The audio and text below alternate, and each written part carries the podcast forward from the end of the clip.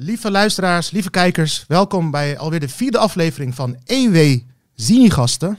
Vandaag heb ik de gast Victor Pak, mijn collega bij EW Magazine, Amerika-expert, redacteur bij EW Magazine. Uh, Victor um, uh, is ook journalist geweest in Washington en in New York. En elke zaterdag schrijft hij een stuk op EW Magazine over de actualiteit in de Verenigde Staten. Vandaag gaan we het hebben over iets dat ontzettend belangrijk is voor niet alleen Amerika, maar ook voor de hele wereld. Namelijk de tussentijdse verkiezingen van 10 november. En ook de vraag of Trump terug gaat komen als president in 2024. Wat gaat er gebeuren als de Republikeinen winnen? En nog veel meer. Voordat we beginnen, wil ik jullie vragen om jullie te abonneren op de EW Zinigasten podcast via Spotify, via Apple Podcast en via het YouTube kanaal van EW Magazine. Dat is allemaal gratis en met jullie steun gaan wij de hele talkshowwereld van Nederland overnemen. Maar daarnaast kan ik jullie allemaal aanraden om ook abonnee te worden van EW Magazine. Het kost bijna niks en het is het beste blad van Nederland. De laatste vrijzinnige uh, medium, blad van dit land. Uh, al het geld dat je verspeelt aan de Groen Amsterdam, aan Vrij Nederland, is gewoon weggegooid geld. Kom bij ons. Victor, dank. Zini, dank je. Ik heb echt ontzettend veel zin om met jou over Amerika te praten. maar, maar allereerst ook nog persoonlijk. Want jij bent best jong. Je bent 21? Zo. Nee, 27. Ja, ik ben iets ja, ouder. Dat is bijna hetzelfde. Uh, maar je hebt best wel een indrukwekkende carrière achter de rug. Uh, je hebt onder andere uh, gewoond in Amerika. Je bent daar ook journalist geweest. In Washington en in New York, als ik het goed heb. Ja. Vertel eens, waar komt jouw interesse voor de Verenigde Staten vandaan? Ja, dat kan ik zelf ook nooit helemaal terughalen. Maar ik heb het idee dat, dat 9-11 voor heel veel mensen van mijn leeftijd ongeveer, ik was toen zes, gewoon heel grote impact heeft gehad of zo. En dat ik daarna altijd ben blijven volgen. En ik weet dat ik in 2008, en toen was ik dus 13 of zo, toen keek ik dus om, om drie uur s'nachts naar campagne-speeches van Obama Oh, live tijdens die verkiezingsstrijd. En uh, de uitslagen heb ik ook de wekker voor gezet toen in november 2008 en ook in 2012. Ja, en Wow. toen was ik dus echt vrij jong. Ja. En dat probeerde je dan een beetje te volgen met CNN. Heel krakkemikkig, heel pixelig. Uh, en dat, ja, dat Ja. vond ik gewoon heel boeiend. En dan ging ik uh, in Rotterdam, want ik woonde in Capelle. En dan ging ik in Rotterdam wel eens naar Donder. En dan kocht ik van die Amerikaanse tijdschriften die ze daar hadden. En dat vond ik gewoon fantastisch. En dat is ergens waar het voor Ja. mezelf is, is begonnen eigenlijk. En welke tijdschriften kocht je dan? Wel- Welke las je toen? Eh, de New Yorker vond ik zelf wel... Maar dat was vooral omdat die tekeningen op die cover zo goed waren. En die hadden ook wel een soort leuke manier van schrijven. Maar ik vind zelf New York Magazine, wat nu eens in de twee weken uitkomt, ook een, een heel fijn blad. Ehm, en dat is wat minder elitair als de New Yorker eigenlijk. Ja, ja een beetje net als EW Magazine. eh, Ja, eigenlijk ja, wel. Al zijn ze wel redelijk links hoor, want dat is nou eenmaal als je de New ook. York eh, uitgeeft. Dat zijn mij nu ook. Dat klopt, maar dan nog.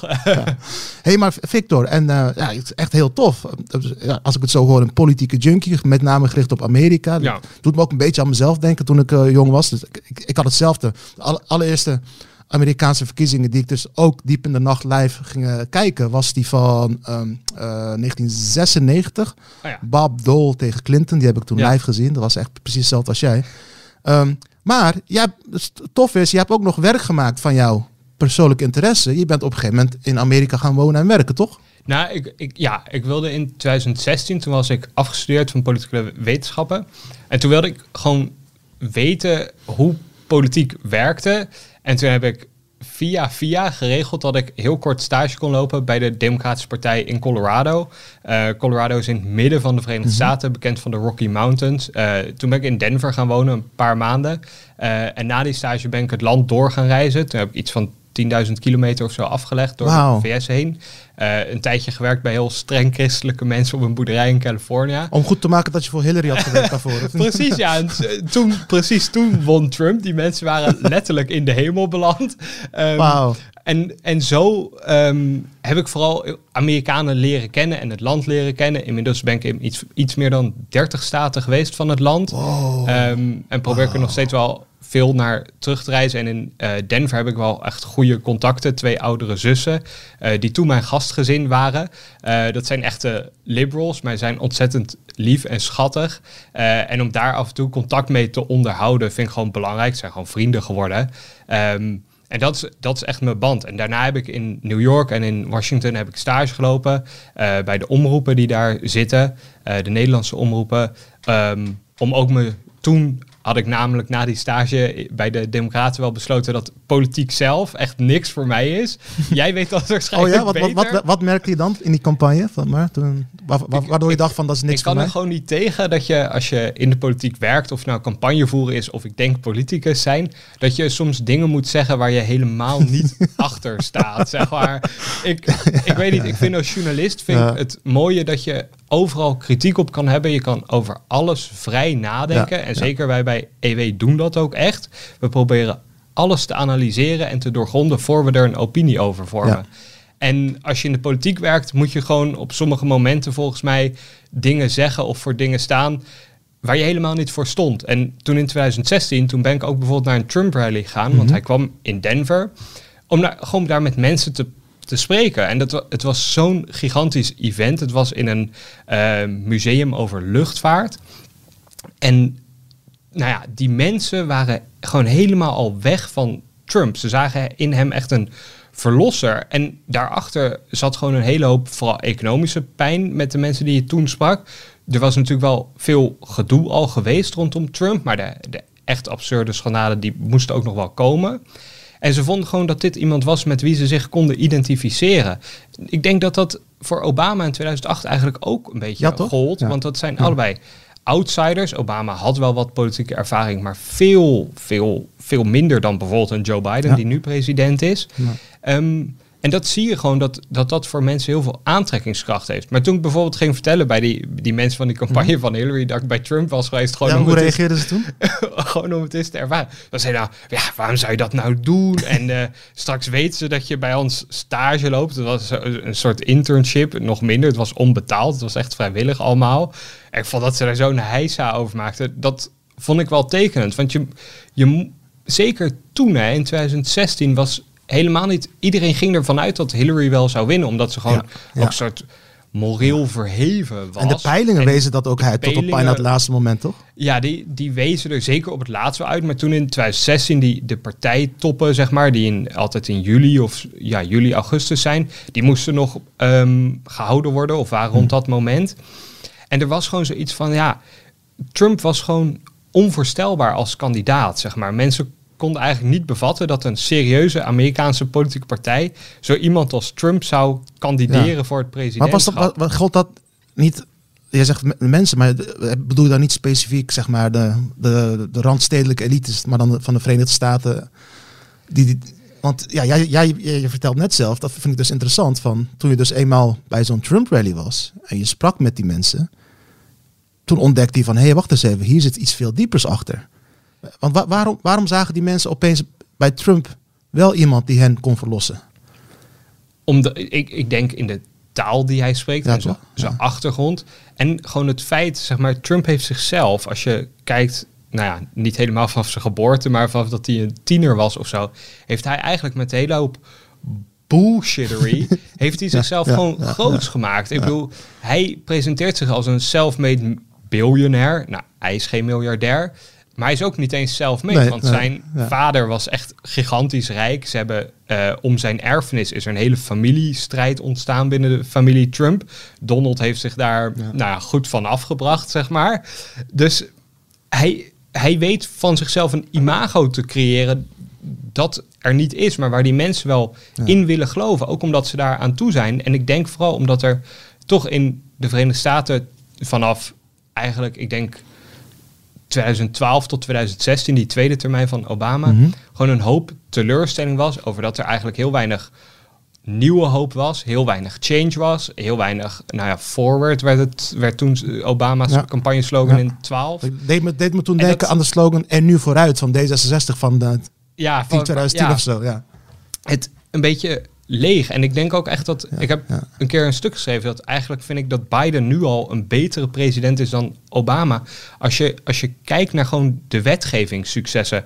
Van Obama kunnen we er heel weinig memoriseren. Eigenlijk de enige die heel bekend is geworden eh, is Obamacare. En dat is echt een heel grote verandering. Maar al zijn politiek kapitaal, dus al zijn contacten in Washington DC, maar ook zijn krediet bij de kiezer, heeft hij daarop ingezet. En voor de rest is er op andere terreinen, terreinen heel weinig vooruitgang ja. geboekt. En Biden boekt niet op één terrein, de gezondheidszorg of immigratie of wapenwetten, heel veel vooruitgang. Nee, hij boekt overal een klein beetje vooruitgang op. En dat is eigenlijk een soort terugkeer naar wat Amerikaanse politiek echt way back, zeg maar, in de jaren 60 en 70 ook bereikte. Steeds een stukje vooruitgang Ja. boeken, verder gaan. En soms wel echt met, met dwarsbeleid. Ik bedoel, wat Johnson deed met, de- met de rassenrechten. En die zoveel verbeteren, dat was echt ongekend. Reagan's economische beleid was een heel grote stap. Maar vaak zit het toch meer in die steeds kleine stapjes vooruit gaan. En Obama beloofde een hele hoop. Ja. Maar kon maar heel weinig echt waarmaken. En ik denk ook dat hij dat zelf niet slim heeft gedaan. En dat dat mede de oorzaak is dat, dat Trump verkozen werd. Nou, sterk nog, eh, een van de st- statistieken die mij verbaasde vlak na de eh, verkiezing van Trump in eh, 2016 was. ehm, eh, de, volgens mij de meerderheid, in ieder geval een flink deel van de, van de witte working class die op Trump stemde. Volgens mij de meerderheid, eh, die, had, die had vier jaar daarvoor ook nog op Ja, je Obama gestemd. heel veel Obama-Trump-stemmers. En dat Ja. is zo'n tekenend iets hoe de Democratische Toch? Ja. Partij is echt, echt heel erg veranderd. Als je kijkt naar Clinton, je had het over 96. Mhm. Toen won hij West Virginia en Louisiana. En dat zijn nu echt staten. Nou, West Virginia eh, ligt vlakbij Washington D.C. ongeveer. Louis- Louisiana is echt het zuiden van het land. Er wonen veel eh, blanke arbeiders, laag opgeleid. Echt, eh, West Virginia is al helemaal echt een industriestaat. Werken in de kolen, in de mijnen. En, en Clinton won die gewoon in 96. Maar sinds 2000 zijn het echt stuk voor stuk echt van die dieprode staten. En hoe, daarin- hoe is dat gekomen? Wat is er veranderd? Waar, waarom is dat? de Democraten zijn echt steeds meer en meer de partij van de hoogopgeleide geworden. En dus ook van de, ja, de Randstad. En in, in Amerika is P er- van da GroenLinks. Ja, nou ja, dat, zo kan je het wel zien. Ja. Dat, dat zijn echt veranderingen. En in Amerika is er natuurlijk geen Randstad. Je hebt overal heb je eigenlijk stroken van, eh, van blauw, van de Democratische Partij. En die zijn natuurlijk heel erg, we kennen de kusten. Maar bijvoorbeeld Denver is ook inmiddels echt zo'n stad geworden die gewoon eh hoog opgeleid, Ja, liberaal is. En zo heb je er meer natuurlijk. Chicago is er ook één geworden. Ehm, en, en verder in het land, Florida, Miami natuurlijk. Maar dat zijn allemaal, ja, in die steden kan je je wel verzamelen als partij. En daar al je geld, dus al je campagnes oprichten. Alleen die hebben gewoon te weinig massa om in het Amerikaanse politieke systeem te winnen. En dat zorgt ervoor dat de Republikeinen natuurlijk altijd de, de- Ja. het presidentschap winnen. Niet met een meerderheid van de Amerikaanse bevolking achter zich. Ehm, maar ze winnen wel. En dat, dat komt door dat Electoral College. ja. Maar het feit dat ze winnen, zou je ook als partij, als democraten, denk ik dan, toch, kunnen laten beseffen van, ja, Even in de wat, spiegel doen, kijken. wat doen we nou verkeerd? ja. Hoe kan het dat we met ehm, meerderheden van miljoenen kiezers achter ons toch verloren in En, 2016? en, en wat doen ze verkeerd? Ja, Ja, volgens mij terecht zeg je van eh, de Democratische Partij is steeds minder een arbeiderspartij geworden en steeds meer een partij van hoger opgeleiden. Nou, oké. Maar heeft dat ook niet weerslag gehad op het, op het type beleid dat ze zijn gaan steunen en eh, invoeren? Ehm, ik, zal, ik zal een voorbeeld geven. In 2008 woonde ik in Amerika Ja. en ik, heb toen in het, ehm, ik ben toen naar het Joe Louis Stadion geweest in Detroit, omdat eh, Obama daar een campagne speech gaf. En ik was toen nog een piepjonge student, bijna net zo jong als jij. ja, En eh, ik ging daarheen met mijn Amerikaanse vriendinnetje uit Michigan destijds. Een eh, Afro-Amerikaanse studievriend van ons. En een witte, blanke studievriend, ook uit de arbeidersklasse aan de Central Michigan University. En we, we kwamen, een aantal dingen vielen me toen op. We komen aan in het Joe Louis Stadion en het was helemaal uitverkocht. Het was gratis, maar het was Ja. helemaal uitverkocht. En 99% zwarte Afro-Amerikanen die daar waren. Ik heb toen met ze gesproken. En ze hadden allemaal een soort van glinstering in hun ogen. Van eindelijk is hier onze verlosser.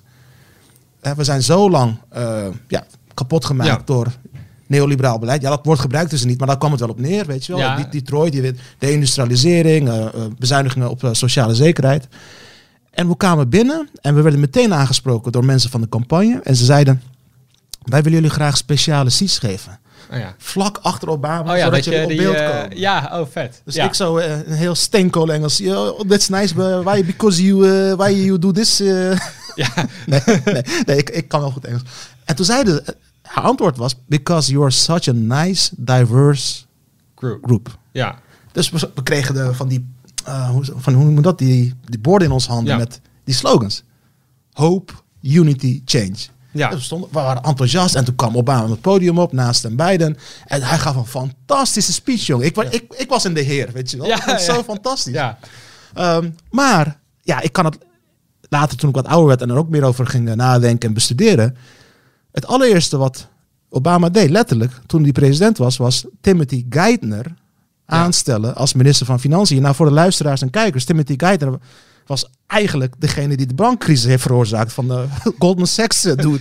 Weet Ja. je wel, neoliberale kan niet. Dus je, je, hebt, je hebt een campagne gevoerd met hope, unity, change. En ook die poses, weet je dat nog? Van Obama met die, Ja, met die ja, soort van met die- gekleur, ja. beetje Che Guevara-achtig, weet je wel? Ja. Systeemkritisch bijna, weet je wel? ja, dat was zo, Ja. ja. Dus en, mijn vraag aan jou is van, is het ook niet zo dat misschien ook mede omdat de par- partij steeds meer van de hoogopgeleide elites is geworden, dat ook het beleid gewoon steeds rechtser is geworden, Eh, sociaal-economisch dan, hè? ja, van- van de Democraten. Nou ja, kijk, in 2008, zoals Geithner is echt zo'n goed voorbeeld daarvan, dat Obama voerde campagne met felle kritiek op, op de Ja. uitkleding van heel veel regulering die Amerika in een gigantische crisis na 2008 stortte. Hij heeft, en dat, dat is naast Obamacare natuurlijk wel een redelijk groot succes. Hij heeft, hij heeft Amerika wel gered van een van echte financiële afgrond. Maar wel op een manier die heel vriendelijk is geweest voor de bankensector, Ja. voor de autofabrikanten daar. En je ziet dat in, in 2010 is Obama echt keihard afgestraft. Hij verloor 63 zetels in Oh het ja, Huis van ja. Afgevaardigden. Ja, precies. En dat had te maken met, met zeg maar de, de Tea Party-beweging die toen groot werd eh, in, de, in de conservatieve hoek onder de Republikeinen. En het opvallende is dat die Tea Party, en deels zat daar denk ik ook oprecht racisme bij over Obama als eerste zwarte Amerikaanse president. Maar een deel was ook kritiek op al dat geld vanuit de federale overheid die naar Wall Street ging, die naar de autobedrijven ging, die ook voor zichzelf hadden kunnen zorgen in de jaren dat het nog wel goed ging. En die ondertussen, als je vooral naar de autofabrikanten kijkt, de, de Chevys en de Fords in, in Mexico of elders lieten produceren. ja. En niet meer in jouw Michigan, waar jij Ja, bijvoorbeeld was. En Obama had, denk ik. ehm, kijk, ik denk dat Obama een van de grootste politieke talenten is. die, die Amerika in ieder geval in de, nu op dit moment kent. Nog steeds. Zijn speeches zijn geweldig. Ze, ze grijpen je heel vaak gewoon goed vast. Ja. Maar als president had hij dat soort keuzes heel anders kunnen maken. Hij had veel meer kunnen proberen om achter de bankensector aan te gaan. Waarom zijn zoveel Amerikanen met echt rotzooi opgescheept? Ja. En waarom probeer je ze dan niet veel meer te bestraffen? En dat is ook bijvoorbeeld Elizabeth Warren, nu een senator en een groot eh, icoon op links in Amerika, was in 2008 en 2010 echt, echt heel fel op Obama. Echt keiharde kritiek, omdat hij gewoon zijn oren liet hangen eigenlijk naar Wall Street. En, en omdat die, de, de mensen die op hem hebben gestemd, de, de working class in de steek liet, Ja. toch? Eh, Daar kwam het op neer. kijk, Obama had, heeft met zijn politieke talent echt een heel mooie coalitie gebouwd. En dat vind ik ook zo interessant aan de Verenigde Staten. Je probeert coalities. Wij in Nederland doen ze altijd na afloop van de verkiezingen. Gaan we coalities vormen. In de Verenigde Staten probeer je ze voor je verkiezing te vormen. Een kiezerscoalitie te smeden als het ware. En Obama had dus echt die, die steun van, die, van de minderheden heel goed verzegeld. En dat hoort ook bij de Democratische Partij. Zo is dat gegroeid. Zeker na de jaren 60 van de vorige eeuw. Maar hij wist ook die, die blanke arbeidersklasse Precies, ja. in Michigan, Ja. in Ohio, in Pennsylvania aan zich te binden. En won daar een veel groter percentage van de, van de, de white working class voter Precies. dan andere democraten. Bijvoorbeeld Clinton kwam echt niet in de buurt van Obama's marges. En, en Dat heeft hij verspeeld, toch? Door, door, op, door, door niet- met door zijn beleid niet Ja. daarop, ja, daar voor te gaan staan als het ware. En hij heeft altijd gezegd dat natuurlijk Obamacare voor juist deze mensen een gigantische overwinning was. En dat is ook zo, want het heeft heel veel van dat soort mensen, van zijn kiezersachterban, aan betere en goedkopere zo- zorgverzekeringen geholpen en dus ook betere toegang tot de zorg. Maar dat duurde wel even voordat dat geïmplementeerd was, voordat mensen dat echt gaan merken. En in zeker 2008, 2009, 2010, 2011, terwijl die economie in het putje lag, ja, dan is het leuk dat Obama die strijd voor die zorgverzekeringen voert. Maar ik denk dat veel mensen op dat moment echt geld nodig hadden. Ja, absoluut. En absoluut. Ja. Je zag dat, denk ik, door de hele Amerikaanse maatschappij heen. Ja, sterker nog, eh, ik heb daar vorig jaar of twee jaar geleden heb ik daar een groot artikel over geschreven in, eh, in Vrij Nederland. Eh, ik wist het niet, maar in 2014 was er een uitgebreide peer-reviewed wetenschappelijk artikel in Amerika door een groep medici volgens mij. Eh, en de titel is White Deaths of Despair. De, bla- Ja. de blanke wanhoopsdoden. En als je het terugleest, is het chockerend. En als je het terugleest, kun je ook meteen voorspellen, ex post facto, ja. dat Trump zou gaan winnen. Weet je wat daarin stond? 2014? Of 2015, sorry. Ja. Ze hadden dus eh, de meest recente cijfers uitgebreid geanalyseerd. En in het artikel staat, voor het eerst in de moderne geschiedenis van de Verenigde Staten is de levensverwachting van blanke mannen, van Ja. witte mannen, omlaag aan het gaan. Terwijl die van Ja. eh, Afro-Amerikanen langzaam aan het stijgen is. Ja. En de groot, eh, een groot deel daarvan komt door zelfmoord, vanwege Mhm. wanhoop. Van Ja. eh, witte arbeiders, blanke arbeiders, die gewoon niet meer rond kunnen komen. Ehm, eh, depressies, drugsgebruik vanwege werkloosheid, niet, niet kunnen rondkomen, schuldenval. Het is uniek in een, in een westerse, rijke, kapitalistische, democratische samenleving, dat de levensverwachting ja, daalt. daalt van, Ja. van, man, van witte mannen in, dit geval. Ja. En als je dat terugleest, oh, dan is het helemaal geen verrassing hoe Trump won. Want wat Trump deed, en eh, zeg maar of je het met me eens bent, jij noemde het net al, op een heel briljante manier. En hij spreekt vanuit zijn tenen, die gast. Hij gebruikt geen teleprompter. Hij, begint, hij, begint, hij begon over die banen die zijn weggegaan Ja. naar China, naar Mexico. En hij, zei- hij zei van, als, als ik jullie president word, dan komen die autofabrieken terug. Dan komen die mijnen terug. Ja, dat, dat, dat deed hij natuurlijk niet. Nee, maar, Maar hij, hij, Ja. hij zet wel een koers in. En je ziet ook dat Biden, die zeg maar, Biden komt, en dat, daar loopt hij natuurlijk ontzettend mee te koop, maar komt uit die achtergrond van Ja, ja, opgroeien in Pennsylvania en Delaware, die working class. Hij, hij zegt altijd van ja, ik heb de gesprekken aan het, het keukentafel gevoerd als er nog maar een tot kwart of zo. als er nog maar een kwartje in, de, in het spaarpotje zat en moesten we nou brood kopen of dit en dat. En dat, Biden voert precies diezelfde lijn door. En je ziet het, de, de Democraten en de Republikeinen zijn bijvoorbeeld over China eigenlijk gewoon totaal verenigd. De strijd tegen China, Oké. de, in de Maar- maar uitbestedingen verklaar daar. Dan, want ik lees, jou, ik lees jouw stuk, jongen. En Ja. luisteraars, Victor Pax, een stuk op EW moet je echt lezen over Amerika. Elke zaterdag, het is echt uniek, profetisch. Ik leer er altijd heel veel van. Vergeet alle andere Amerika-stukken en andere bladen. Dit moet je lezen. Want in jouw stukken lees ik tegelijkertijd, jij voorspelt onlangs weer dat de Democraten gaan verliezen bij de tussentijdse verkiezingen van 10 november. Ja, Hoe kan dat dan? Terwijl je nu zegt van ze zijn, ze zijn weer goed bezig, goed verhaal. Nou ja, kijk, Biden bereikt wel kleine dingen, maar het is een soort politieke wetmatigheid dat je zetels verliest, verliest bij de tussentijdse verkiezingen. Dat, dat is sinds de Tweede Wereldoorlog eigenlijk Ah. twee, twee uitzonderingen zijn er geweest. Clinton in 98 en dat was een soort backlash over de Monica Lewinsky-affaire, waar die eigenlijk van heeft geprofiteerd in politiek opzicht. Ja. En eh, Bush vier jaar later in 2002, na 9-11 natuurlijk. ja, ja, ja. Toen breiden ze hun eh, meerderheid in, in het Huis van Afgevaardigden uit. Voor de rest verlies je altijd wat zetels. Maar Obama in 2010 verloor echt gigantisch. Als je nu kijkt, zou het, de kans is iets van eh 1 op 5 dat de Democraten de meerderheid in het Huis van Ja, Afgevaardigden maar dit, is toch huge? Maar als je daar naar terugkijkt, dan zie je dus dat, dat ze in eh 2020 verloor, verloor de Democratische Partij ook al zetels in het Huis van de Afgevaardigden. En nu is de Amerikaanse vlag op Dat onze tafel ja, is- gevallen. is dat- is dat niet een, eh, profetisch? is dat Ja, profetisch? Ja, nee, geen idee. Maar, Ja, zeg maar ja? ik vind dat Biden het oprecht niet slecht doet. Maar je moet altijd rekening houden dat je wordt afgestraft door de kiezer. Alleen het punt is, ehm, de Democraten sinds 2018, toen hebben ze de meerderheid in het Huis van Afgevaardigden overgenomen. Pelosi werd weer voorzitter van dat huis.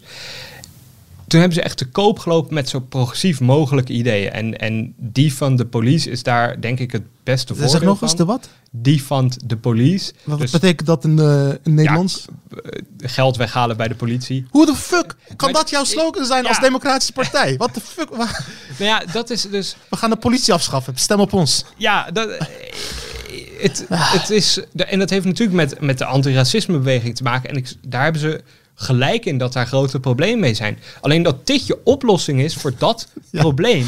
Dat snap ik echt niet als je ja, verkiezingen wil winnen, zeg maar. Kijk, als je een soort, hoe heet het, van die, die aflaatpolitiek wil bedrijven, dat je alleen maar met... Met aflaatpolitiek. Ja, dat is met het. van die, van die leuke slogans te koop loopt, maar verder niks concreets wil bereiken. Het jaagt je kiezers weg. Biden spreekt zich daar ook heel erg te, eh, Hij is behendig genoeg uit. om te weten dat Ja, hij dit kan gebruiken, toch? Echt heel stom is. Ja. Alleen, je ziet wel dat... Kijk, wat ik zei, hè, die coalities die je moet vormen van kiezers... Biden weet ook dat hij wel ook die progressieve bubbel nodig heeft. Daarom is Kamala Harris zijn vicepresident geworden... en niet een eh, blanke gouverneur uit Michigan... die hij zelf veel leuker vindt, veel beter mee overweg kan. Nee, hij, hij moet natuurlijk aan zijn Ja. hele partij voldoen.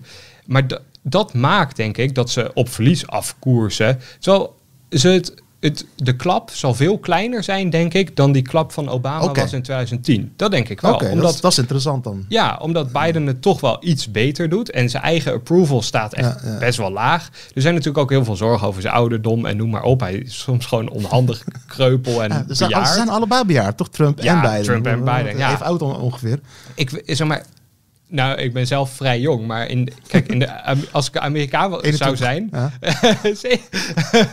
nee, als ik Amerikaan zou zijn, zou ik volgens mij nog niet in het Huis van Afgevaardigden mogen worden gekozen. Oh ja, nog niet in de Senaat. ja. En ik mag ook nog geen president worden van dus de Verenigde 40. Staten. Voor president is 40, toch? Of, Ja, ze, eh, of- of iets jonger, dacht ik. Maar er is geen maximumleeftijd. En je ziet Ja. dus echt, de Amerikaanse politiek is ouder dan ooit. En dat vind ik ook Wauw, heel ja. kwalijk voor, voor gewoon de Nancy Pelosi is democratische staat. 98. eh, je Ja. Eh, nou, Kevin McCarthy is dan redelijk jong, maar Ja. Mitch McConnell loopt geloof ik ook al tegen de Ja, 80. En al den, dan heb je dus, dat zijn echt de kopstukken van beide partijen. Eh, Chuck Schumer heb je nog bij de Democraten, die is ook in de 70. Maar dan, zeg maar, dus dat zijn de, de kopstukken. Maar dan ook de nummers 2, 3, 4 en 5, die zijn ook allemaal 60, 70 of 80. Ja. Dat schiet niet Maar op. bij de Democraten heb je tegelijkertijd toch ook wel een eh, heel jonge nieuwe voorhoede die weet je, nog linkser is dan de rest. Zeg maar. ja, Die- dat, die- dat, die- zijn, dat zijn jouw die van de police-roepers. Oh ja, dat is de, wel- want- de, want de de bur- want- squad met de AOC natuurlijk. Ja. En ik, zeg maar, kijk, ik snap als je in, in New York City verkozen wil worden, dan kan dat misschien aantrekkelijk zijn. Maar zelfs daar zie je dat eh, in 2018, bij de verkiezingen voor het burgemeesterschap van New York, werd een oude politieagent, wel een democraat, maar een oude politieagent gekozen. Ehm, was niet 2018, was denk ik 2021, sorry. Maar die werd gekozen omdat hij juist beloofde de politie te hervormen, maar vooral te verbeteren. En dat verbeteren zat hem ja, in, de, in het eh, staande houden van onschuldige zwarte mensen, maar vooral toch ook in de criminaliteit Ja, bestrijden. Natuurlijk, want kijk, die, die van de police. Ja, ik, eh, ik heb wel eens gesproken met eh, mensen van de BLM-beweging uit Amerika Ja. over deze slogan. En dan leggen ze het uit. En dan, als ze het uitleggen, denk ik, nou, op zich zit er Dan wel heb wat je er wel begrip voor. Want dan zeggen ze, nee, het ga- Of het, wij, wij, wij wil- wij willen het, anders financieren. Ja. En op, een, op eh, positieve prikkels creëren, zodat er geen racistische eh, moorden meer zijn. Maar ja, uh, niettemin, als jouw slogan defund de police is, dan horen mensen, hey, dit is een neoliberale bezuiniging op, op politie.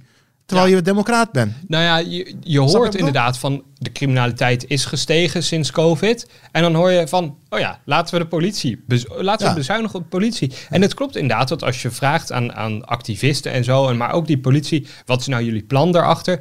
Dan is het wel iets anders. Dan zeggen ze eigenlijk, we willen politie zoals in Nederland, met boa's en eh, sociale werkers Oh, in de wijken. Er is natuurlijk Ja. best wel wat voor te zeggen, omdat er heel grote structurele ongelijkheid, vooral in grote steden, zit.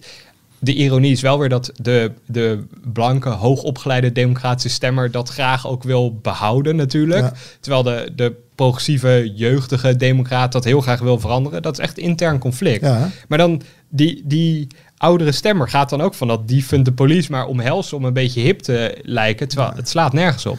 Dat, eh, voordat ik op tot mijn volgende vraag kom, want ehm, eh, ik, wil, ik wil ook nog met jou praten over de vraag of Trump terug gaat keren in Ja. 2024. Of Bernie Sanders terug gaat keren en, en dat Nee. soort dingen. nee.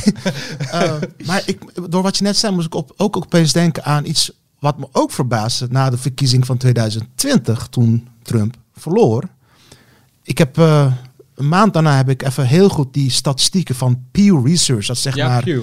Ja. ja, het is niet de CBS, maar het is een heel, heel grote peilings... eh, Een soort CBS en precies, in één. precies. Heel, heel- Echt fantastisch. ja. En ik heb er toen een column over geschreven in NRC, want het was chockerend. En ik verbaasde me dat niemand anders eh, erover sprak in Nederland. Wist jij dat Trump verloren heeft, nipt in 2020, omdat eh, hij... nee, ik moet, ik moet anders aanvliegen. Wist jij dat Trump eigenlijk gewonnen heeft in 2020? En dat zeg ik niet als een MAGA iemand, hè? In deze zin, in deze zin, let op. Hij heeft eh, het percentage stemmen die hij heeft gehaald uit de, eh, uit de eh, Mexicaanse-Amerikaanse demografie is verdubbeld. Ja. Het aantal percentage stemmen die hij, die hij heeft gehaald uit de islamitisch-Amerikaanse demografie is verdriedubbeld. Wist je dat? Het Ja. percentage stemmen van vrouwen is eh, met een kwart of Ja. zo. Alle, van alle demografische groepen heeft hij gewonnen, behalve de blanke man. En daarom, daarom ja. heeft hij verloren. En toen dacht ik van, En- wacht even, nu, nu komt mijn vraag. Oké. Even heel eerlijk tussen jou en mij. eh, ik ben niet echt een fan van Trump. Want als je naar zijn beleid kijkt. Kapot bezuinigen eh, van eh, milieubeleid.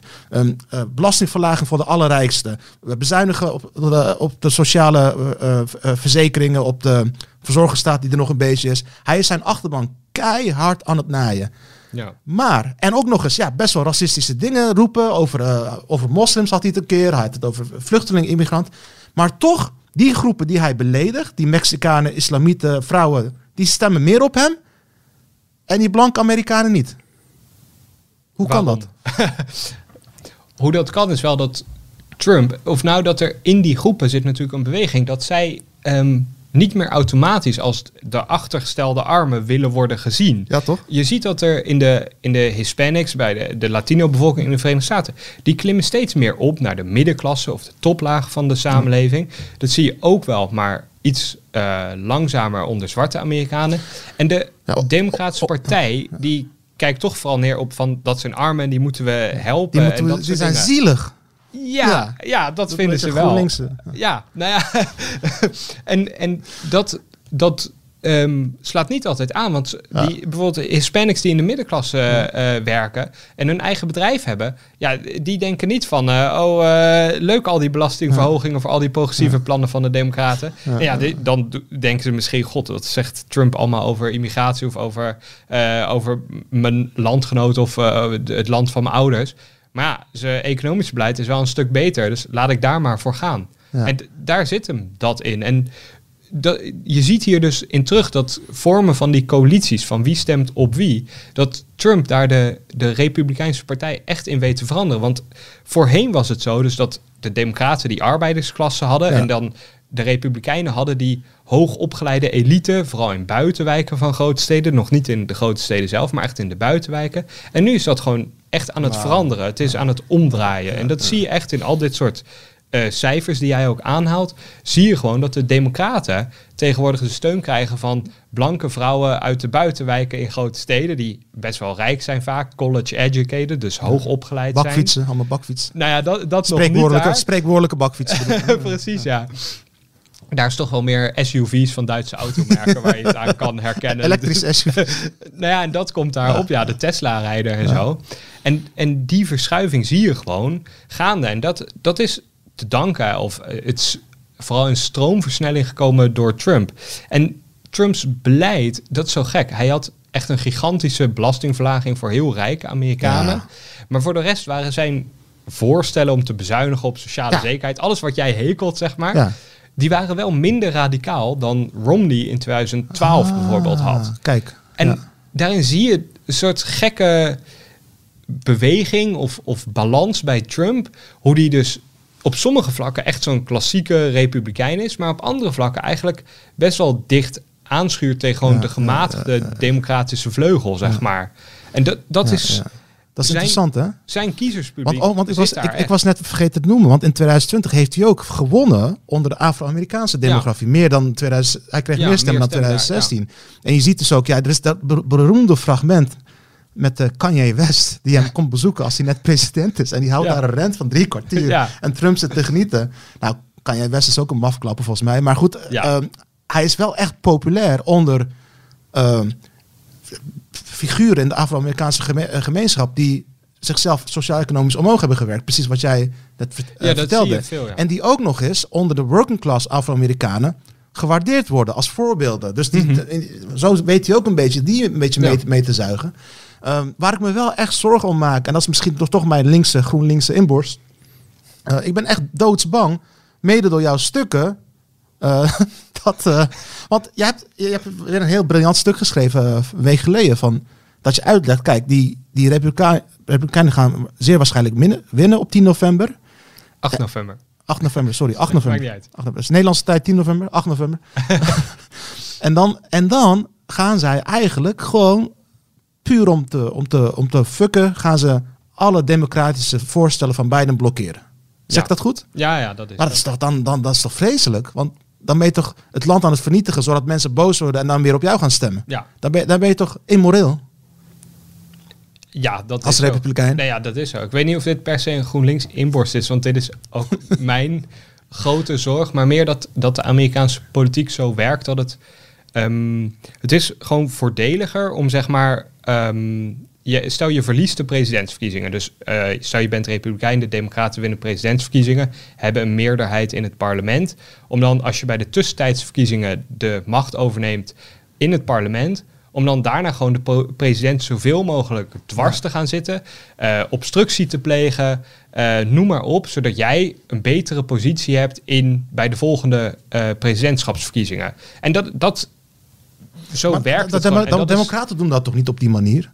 Niet op die manier. Nee. Maar de, kijk, ehm, je ziet bij beide partijen, denk ik, dat de, de vleugels, de uiterste, zijn veel machtiger geworden. Dat zie je denk ik bij de Democraten. Dat, daar hadden we het net over met dat defund the police. de dat, dat, squad. ja, dat dat een soort slogan is geworden die de partij bijna definieert. Terwijl er ook heel veel mensen binnen de Democratische Partij zijn, zoals Joe Biden zelf, die het daar niet mee eens zijn. Maar die dus zelfs dan niet over dat Ja. geschreeuw van de vleugel heen weten te komen. Ja, en datzelfde zie je ook bij de Ja, Republikeinen. maar sorry, zag je Trump, bij de Trump is degene die Maar- schreeuwt. Waar heb je het over? De Nee, leider is... Ja, precies. Toch? Nou ja, wat, je, wat ik wilde zeggen is, de, de Republikeinen hebben, hebben gewoon de, de vleugel die twijfelde over, het, over de flank, zeg maar, dus de uiterste. Die, hebben, die hebben gewoon volledig binnen die partij oorlog gevoerd tegen alles wat gematigd was. En ze winnen die oorlog Ja. gewoon. Dus de, bij de, waar de, in de Democraten is nog gewoon strijd, is discussie. En bij de Republikeinen is die ruimte er eigenlijk Toch? Het is toch geen en politieke minder. partij meer in, in zekere Nou, het is zin. gewoon een beweging Het voor gewoon- heel uiterst Ja. rechts. En dat verontrust mij ook gewoon, omdat je, je ziet het terug in die recente aanslag op, op de man van Nancy Pelosi. Ehm, je ziet het terug op 6 januari met gewoon... Kan je dus voorstellen dat jij gestemd hebt op president Donald Trump en dus ook op zijn vicepresident Mike Pence en dat je dan twee maanden nadat je die stem hebt uitgebracht door het Capitol loopt en zegt hang Mike Pence op, hang Mike Pence op. Kijk, ik heb een galg meegebracht, hij staat buiten. We vinden die fucker en we hangen hem op.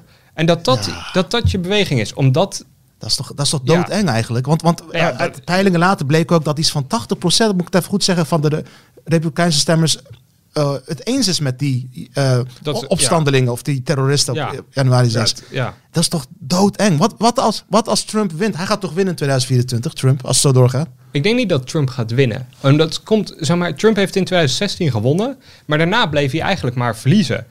Zijn partij, de Republikeinen, deed het slechter in 2018 bij de tussentijdsverkiezingen dan verwacht was. Ehm, ze deden het in 2020 ook nog eens slechter als het gaat om zijn presidentschap. Trump is helemaal niet per se een overwinnaar of zo. Hij heeft met relatief mazzel in 2016 gewonnen. Hij had gewoon een slimme coalitie om dat electorale spel te winnen.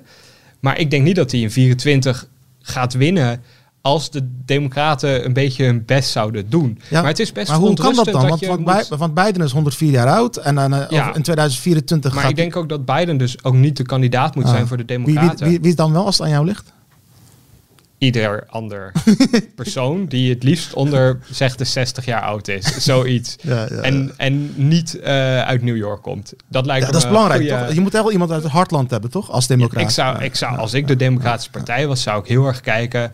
En dan, kijk, veel mensen zijn fan van Pete Buttigieg. Die heeft echt een moeilijke achternaam, maar hij komt uit Indiana. Hij is veteraan geweest, maar hij is ook homoseksueel. En dat is helaas, helaas wel een punt waarvan je niet Ja, weet ja. of, je, of je dat aangaat. Zelfs als 2008 met Obama als zwarte man, of dat wel kon, zeg maar. En die vraag heerst er nog steeds. Ga je met een vrouw, bijvoorbeeld die, die gouverneur uit Michigan, daar kan Biden het goed mee vinden. Zij is heel gematigd, populair in haar eigen staat. Heeft redelijk kunnen samenwerken met de Republikeinen. Maar ook zij, er is een poging geweest om haar te kidnappen. Um, en dat zegt wel weer iets over het publieke debat. En dat maakt mij ook wel verontrustend. Of verontrust dat je dus afhankelijk bent van de Democratische Partij voor een goed functionerende democratie in de Verenigde Staten. Dat je eigenlijk er niet van op aan kan dat de Republikeinen hun best doen om de Amerikaanse democratie overeind het, het, te houden. Het zijn totale psychopaten, man. Je, mijn hemel. Ja, kijk, en dat Waarom dat zo is, vind ik echt de moeilijkste vraag die er nu is. Wat dat is. In Ze willen niet alleen Amerika vernietigen, maar de hele wereld. Als we het alleen maar over het milieubeleid hebben. Van doorstoken, eh, meer CO2 en alle regulering afschaffen. Maar Republikeinse wat, staten zijn wel beter in het opwekken van groene energie dan oh, de Democratische staten. Ja, maar dat is ook gewoon omdat uiteindelijk gaat het dan om geld. Want in die Republikeinse staten kan je veel meer zonnepanelen en windmolens kwijt. Oh, ja, en dat helpt gewoon. En daar, daar verdien je gewoon grof nou, geld Gelukkig zijn ze hypocriet dus, zo te horen. Ja, ze zijn, nou ja, dat zie je heel erg terug. Kijk, kijk je hebt nu uh, eh, J.D. Vance. Dat is de Republikeinse kandidaat voor de Senaat in Ohio. Hij schreef in 2016 zo'n boek over waar jij het eerder over had. Dat onderzoek van die sterfte onder blanke Amerikanen die laag opgeleid zijn. Die Death of Despair. Hij schreef zo'n boek. En dat was ook een beetje een aanklacht tegen Trump. Die wel luistert, maar niet echt voor ze opkwam. En hij heeft zich heel erg verzet tegen Trump. En nu zit hij helemaal te bedelen om de steun van Trump, zodat hij verkozen wordt. En uh, ik de, kijk, de Republikeinen hebben zich overgeleverd aan een soort politiek nihilisme. Ja. En dat verontrust mij zo erg. Je hebt 6 januari 2021. Kevin McCarthy, leider van de Republikeinen, moet vluchten voor de achterban van Trump. Want hij was op dat moment ook in het congres. En dan 22 dagen daarna reist diezelfde McCarthy af naar Mar-a-Lago in Florida om met Trump op de foto te gaan. Terwijl Trump op dat moment echt als een soort verbanneling zit daar in zijn villa. Niemand wil natuurlijk weer, weer nog iets met hem te maken hebben. En dan reist de leider van de partij in het die, huis... Die eerst voor de aanhangers van Trump moest vluchten? Ja. En waarom, oké, waarom, waarom doet hij dat? Omdat hij de afweging maakt dat als Trump niet aan zijn zijde staat, hij zijn plek in de partij verliest of aan dus, de macht Dus het is een secte geworden. Die, de, die Republikeinse partij is geen politieke partij meer in de klassieke sense of the word, maar het is een secte geworden. Ja, ja ik, ik, waar het om macht draait. Ja, en dat, dat verontrust mij ook, want je ziet gewoon in de... En ik hoop zelf dat de Amerikaanse kiezer dat afstraft. En je ziet in de peilingen dus dat echt de Trumpistische kandidaten in uh, cruciale staten eh, voor de macht in de Senaat bij de tussentijdsverkiezingen. Die Trumpistische kandidaten doen het veel slechter dan gematigde republikeinen in andere staten. Mm. Omdat, ja, dat Trumpisme, kiezers weten inmiddels ook wel dat het een gevaar kan zijn voor de democratie. Alleen als je inflatie 10% is op maandbasis, uh, als je merkt dat je boodschappen veel duurder zijn geworden, de benzineprijzen ja. toch hoog zijn, welke afweging maak je dan? Ga je dan alsnog op de zittende macht stemmen, terwijl je veel minder geld in je portemonnee misschien hebt? Of, het gaat heel spannend worden dus de komende jaren, toch? Ja, ja.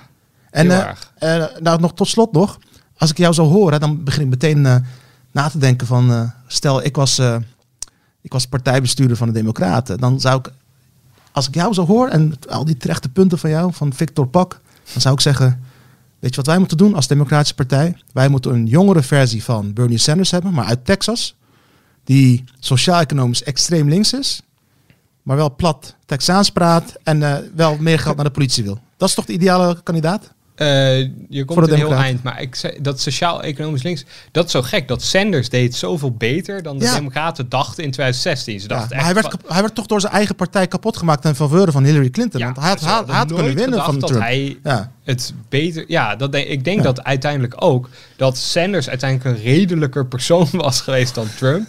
Alleen dat sociaal-economisch uiterst links gaat in Amerika als je echt wil winnen niet aanstaan. Uiteindelijk. Wat is uiterst links? Gewoon een beetje. Hij is de Sanders een programma. Soort niet... Denemarken zeg maar. Dat vinden Amerikanen wel uiterst links. Ja, dat, dat en, en terecht denk ik vanuit waar zij vandaan komen. Maar je ziet uiteindelijk moet je terug naar een soort Obama-achtig figuur als democratische nou, Ook een beetje een outsider, zeg maar. ja. ja. wel. ja, dat beschrijf jij toch? Maar iemand die dus genoeg stemmen bij die, die blanke achterban kan halen, of de blanke uh, laag opgeleide bevolking kan scoren. En die diverse groepen, dus de zwarte Amerikanen, de Hispanics, ook aan je weten binnen. Ook met een verhaal dat niet alleen maar gaat over uh, zielig zijn in de economie en dat alles gratis moet worden, van gezondheidszorg tot kinderopvang tot het onderwijs. Maar ook gewoon over werken voor je geld en dat soort dingen. Want dat, dat zijn ook waarden die in Amerika meetellen. En Biden heeft dat in 2020 eigenlijk gedaan. Alleen Biden is gewoon heel erg oud. En ik, ik hoop gewoon dat hij zelf inziet dat hij een betere tussenpauze zou zijn. Ja, ja, ja, en dat, dat kan hij echt zijn als hij gewoon na, na de verkiezingen straks zegt: joh, ik hoop dat ik de, Amerika, de Verenigde Staten van Amerika een beetje vooruit heb geholpen op een aantal belangrijke onderdelen. Als je kijkt naar infrastructuur, gezondheidszorg, wapenwetgeving, et cetera.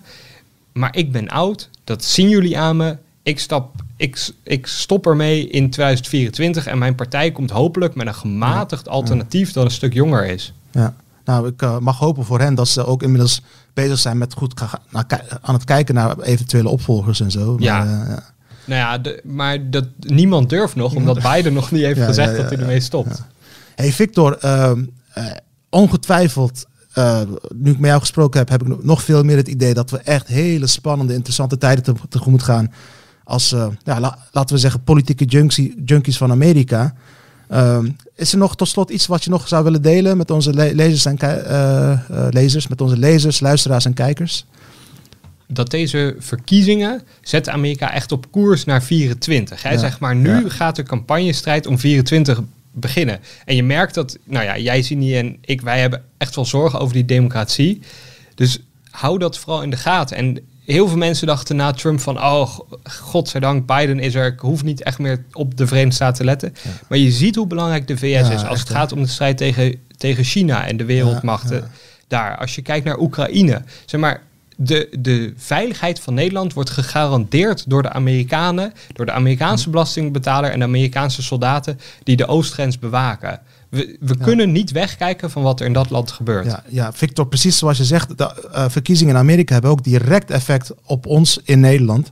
Hey Victor, uh, ik zou het heel fijn vinden dat je regelmatig terugkomt om uh, hier verder over te praten, ook na de verkiezing van, van 8 november. Gaan we doen. En voor de luisteraars en kijkers, dank voor jullie aandacht en vergeet je niet te abonneren op Spotify, Apple Podcast, YouTube kanaal van EW Magazine en ook betalend abonnee te worden van EW Magazine. Doe het voor Nederland en niet alleen voor jezelf.